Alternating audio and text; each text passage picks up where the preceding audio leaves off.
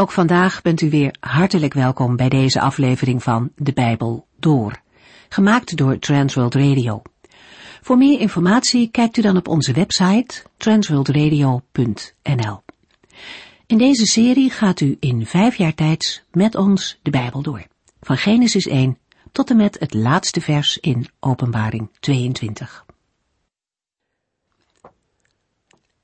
Vandaag lezen we in deze serie een gedeelte uit 1 Thessalonicense 5. De vorige keer gingen we in op de vraag wanneer de Heer Jezus terug zal komen. Paulus herinnert de gemeente in Thessalonica eraan dat dat tijdstip onbekend is. Alleen God zelf weet dat. Ondanks alle speculaties van mensen weet niemand precies wanneer het zover zal zijn. Voor de ongelovigen zal het als een onaangename verrassing en heel plotseling komen. Paulus vergelijkt de wederkomst met weeën die plotseling kunnen beginnen. Ze zijn onverwacht en er is geen ontkomen aan. Maar als christenen hoeven we echter niet angstig naar dit moment toe te leven, want voor ons zal het een geweldig gebeuren zijn om de Heer zelf te ontmoeten. En hoewel ook wij niet weten wanneer het zover is, mogen we wel leven in de verwachting dat Jezus elk moment kan komen.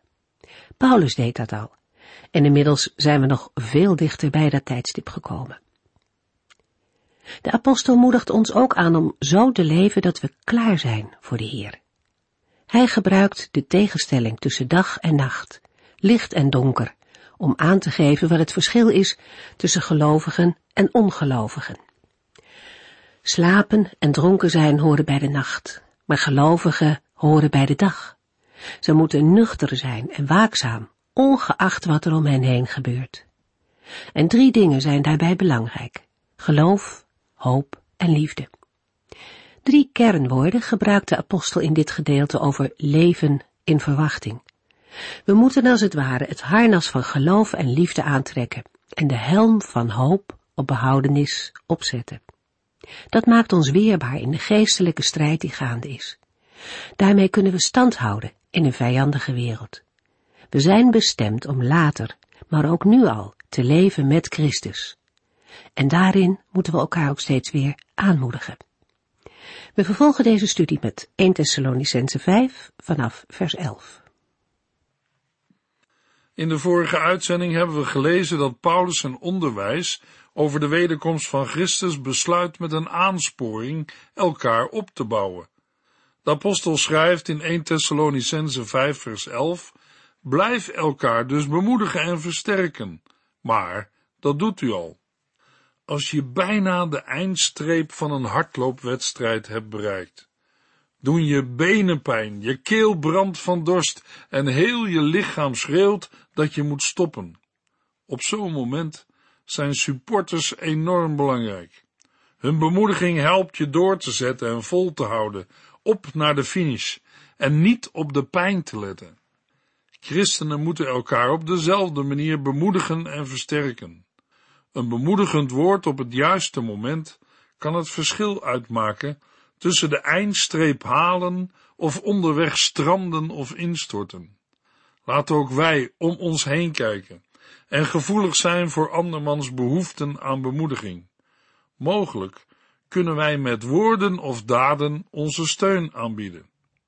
1 Thessalonicense 5 vers 12 en 13 Broeders en zusters, wij vragen u respect te hebben voor uw leiders, die door de Here zijn aangewezen. Zij verrichten veel werk onder u en wijzen u terecht waar dat nodig is. Geef hun veel waardering en houd van hen, omdat zij zoveel voor u doen. Leef met elkaar in vrede. Bij zijn laatste onderwerp gebruikt Paulus opnieuw het vriendelijke broeders en zusters, om zich daarmee tot de hele gemeente te richten. De apostel vraagt respect voor degene die de gemeente leiden.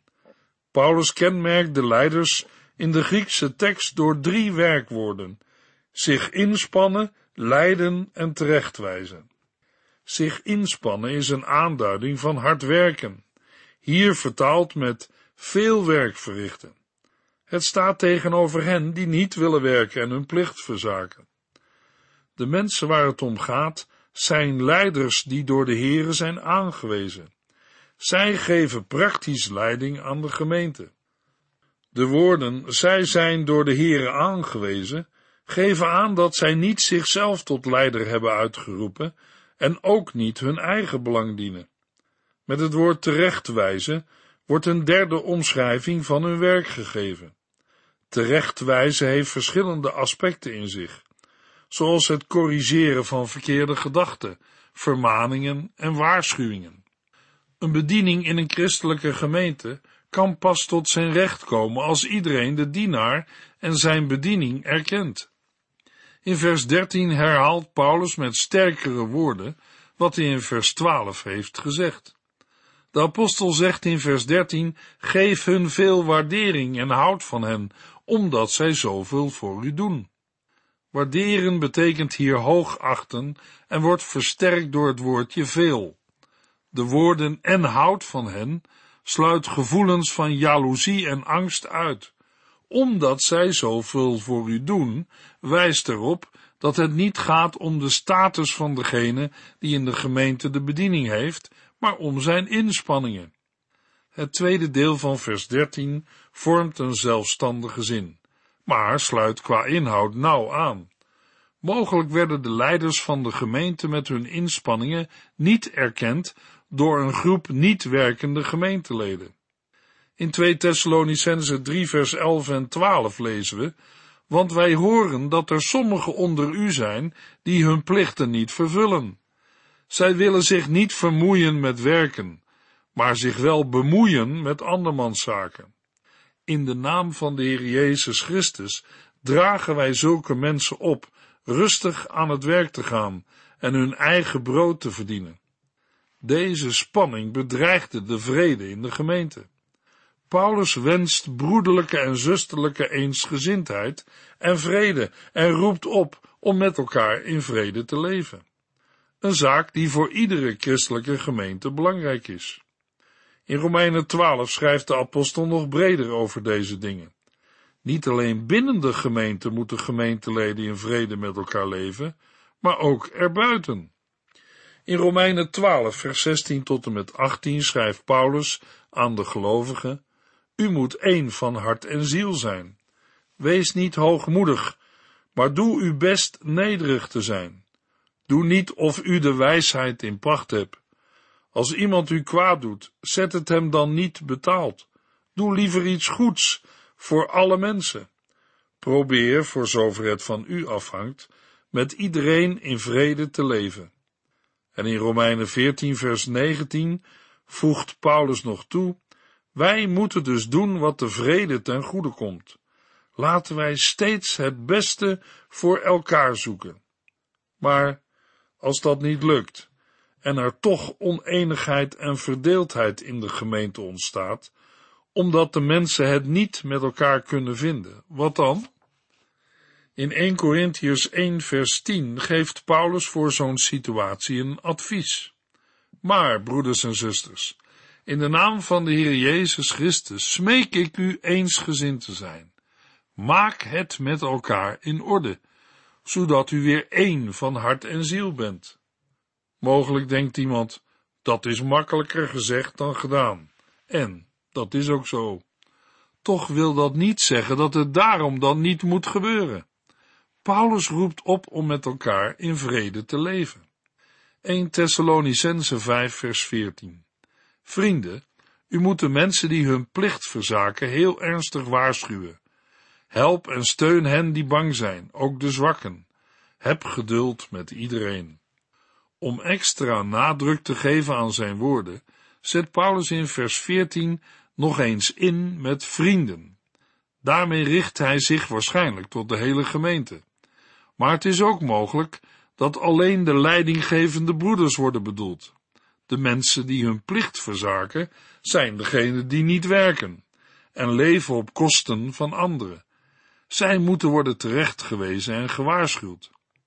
Wij moeten ons niet aansluiten bij mensen die lui zijn en hun plicht verzaken, maar hen waarschuwen. Een andere groep die door Paulus wordt aangesproken, zijn zij die bang zijn het zijn gemeenteleden die zich zorgen maken over de dood en die de aanleiding waren tot het schrijven van de brief aan de Thessalonicenzen. Paulus roept op hen te helpen en te steunen, niet tegen hen te gaan schreeuwen, maar hen te troosten. Soms is het moeilijk onderscheid te maken tussen luiheid en angst. Als twee mensen niets doen, dan kan dat bij de een komen door luiheid en bij de ander omdat hij of zij bang is om iets verkeerds te doen. De sleutel voor elk christelijk werk is gevoelig zijn, aanvoelen hoe ieders toestand is en voor elke situatie de juiste weg naar verbetering of de oplossing wijzen. Geweldig dat de Heer ook daartoe zijn Heilige Geest heeft gegeven. Hij wijst ons de weg. Bij zwakken denkt Paulus vooral aan gelovigen die gevoelig zijn voor verzoekingen. Over de zwakken schreef Paulus in 1 Thessalonicense 4, vers 3b tot en met 8. Help en steun hen is in dit verband geestelijke steun geven. De laatste vermaning, heb geduld met iedereen, is heel algemeen. Geduld moet een christen niet alleen met zijn of haar gemeenteleden hebben, maar met iedereen. Geduld is een belangrijke christelijke deugd en ook vrucht van de Heilige Geest. 1 Thessalonicense 5 vers 15 Let erop dat niemand kwaad met kwaad vergeldt, maar wees altijd goed voor elkaar en voor anderen. Vers 15 laat zich samenvatten als vergeld kwaad met goed. Ieder gemeentelid moet toezien op zichzelf. Maar Paulus denkt ook aan verantwoordelijkheid voor elkaar. De genoemde regel werd door de Heer Jezus zelf gegeven. We lezen erover in Lucas 6, vers 27 tot en met 36. Gelijksoortige woorden vinden we ook in het Oude Testament, in Spreuken 20 en 25. We hebben het gelezen in Romeinen 12 en horen het ook uit de mond van Petrus. Het tweede gedeelte van het vers, wees altijd goed voor elkaar en voor anderen, geeft een positieve formulering die versterkt wordt door altijd. De woorden wees altijd goed wijzen erop dat de lezers zelf wel weten wat het goede is. In andere vertalingen lezen we dat het goede moet worden nagejaagd. Het geeft een doel aan dat onder alle omstandigheden het handelen bepaalt. Voor elkander en voor anderen houdt in dat ook niet-christenen onder de werking van dit gebod vallen. Het bestaan van de christelijke gemeente moet de hele wereld ten goede komen. 1 Thessalonicense 5 vers 16 Wees ook altijd blij.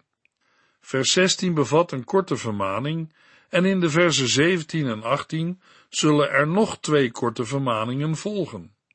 De korte vermaningen zijn tamelijk individueel gericht en hebben geen concrete aanleiding.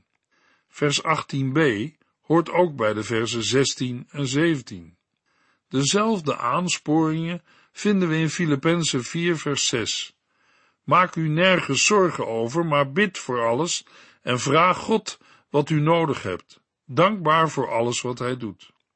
De vermaning of opwekking in vers 16 maakt duidelijk dat blijdschap een normaal element is in het leven van christenen. In 1 Thessalonicense 1 vers 6 schreef Paulus, Zo werd u volgelingen van ons en van de Heere, want u hebt onze boodschap met de blijdschap van de Heilige Geest aangenomen, ondanks de grote moeilijkheden die u ondervond. Door te leven vanuit het volbrachte werk van Christus is onze vreugde gefundeerd en stabiel. Een gelovige en ook wij verheugen ons in de Heere en zijn liefde. We lezen het al in het Oude Testament. Bijvoorbeeld in Psalm 100. Laat de hele aarde voor de Heere jubelen. Laat de hele aarde de Heere met blijdschap dienen. Kom bij hem en zing een loflied. Wanneer bent u voor het laatst met een loflied tot de Heere gegaan? 1 Thessalonicense 5 vers 17. Bid onophoudelijk. Het werkwoord bidden is de meest algemene omschrijving voor gebed. Met de woorden van vers 17 roept Paulus op tot een voortdurende gemeenschap met God, een gemeenschap die niet aan plaats of tijd is gebonden. De Heere verlangt naar een intense gemeenschap met zijn kinderen. 1 Thessalonicense 5 vers 18 Wat er ook gebeurt, dank altijd God, want Hij wil dat u als christenen zo leeft. Het is niet zeker of Paulus hier bedoelt in elke situatie of op elk moment. Maar we moeten het verschil tussen beiden niet overdrijven. Dankbaarheid en dankzegging bepalen voor een groot deel onze relatie tot de Heer. Van het danken onder alle omstandigheden vinden we een goede illustratie in het leven van Paulus en Silas als ze in de gevangenis van Filippi zitten. Omdat God altijd voor ons is en hij alle dingen ten goede doet meewerken voor de gelovigen, kan een gelovige altijd danken. Paulus leerde niet dat we God voor alles moeten danken, maar in alles. Het kwaad komt niet van God. Daarom moeten gelovigen hem niet danken voor het kwaad. Maar als het kwaad toeslaat, kunnen gelovigen nog steeds dankbaar zijn voor wie God is en voor het goede dat hij ondanks de nood kan geven. De blijdschap, het gebed en de dankbaarheid van een gelovige moeten niet op en neer gaan met onze gevoelens of omstandigheden. Deze drie vermaningen in de versen 16 tot en met 18 gaan vaak in tegen onze eigen menselijke natuur. Maar als we een bewuste beslissing nemen om te doen wat God zegt, gaan we de mensen en situaties vanuit een nieuwe invalshoek bekijken. Als wij als gelovigen Gods wil doen, zullen wij merken dat het makkelijker voor ons is om blij en dankbaar te zijn. Natuurlijk kunnen we niet al onze tijd op onze knieën doorbrengen, maar een voortdurende, biddende houding is mogelijk. Het is een houding die is gebaseerd op de erkenning dat we van de Heer afhankelijk zijn.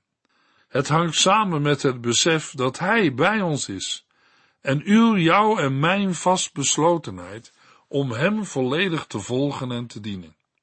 Dan is het een aspect van het normale christelijke leven om regelmatig, spontaan en kort te bidden.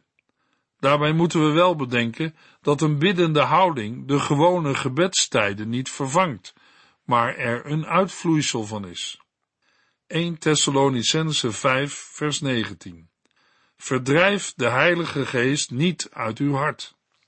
In de versen 19 tot en met 22 volgen vijf korte vermaningen die betrekking hebben op de Heilige Geest. Met de Heilige Geest bedoelt Paulus de Geest, zoals Hij in ons werkt, en dan met name zijn bijzondere werkingen, waar we over lazen in 1 Corinthiërs 12 en 1 Corinthiërs 14. Verdrijven, blussen of uitdoven past bij het beeldend omschrijven van de Heilige Geest als een vuur en betekent een bewust terugdringen door geen ruimte of aandacht te geven aan de gaven van de Heilige Geest. Een gelovige mag de gaven van de Heilige Geest, die hij of zij heeft ontvangen, niet verwaarlozen of opzij schuiven. In vers 20 noemt Paulus de gave van de verkondiging van het evangelie als gave. In 1 Corinthians 14 vers 39 noemt de apostel het spreken in tongen of klanktalen. Geestelijke gaven zijn soms omstreden en kunnen dan verdeeldheid veroorzaken in een christelijke gemeente. Sommige christenen kiezen er in zulke situaties eerder voor om dan de gaven maar opzij te schuiven, dan om samen het woord van God te bestuderen, de Heer om wijsheid en inzicht te vragen en de problemen op te lossen. Opzij schuiven van de gaven van de Heilige Geest leidt tot verarming van de christelijke kerk of gemeente.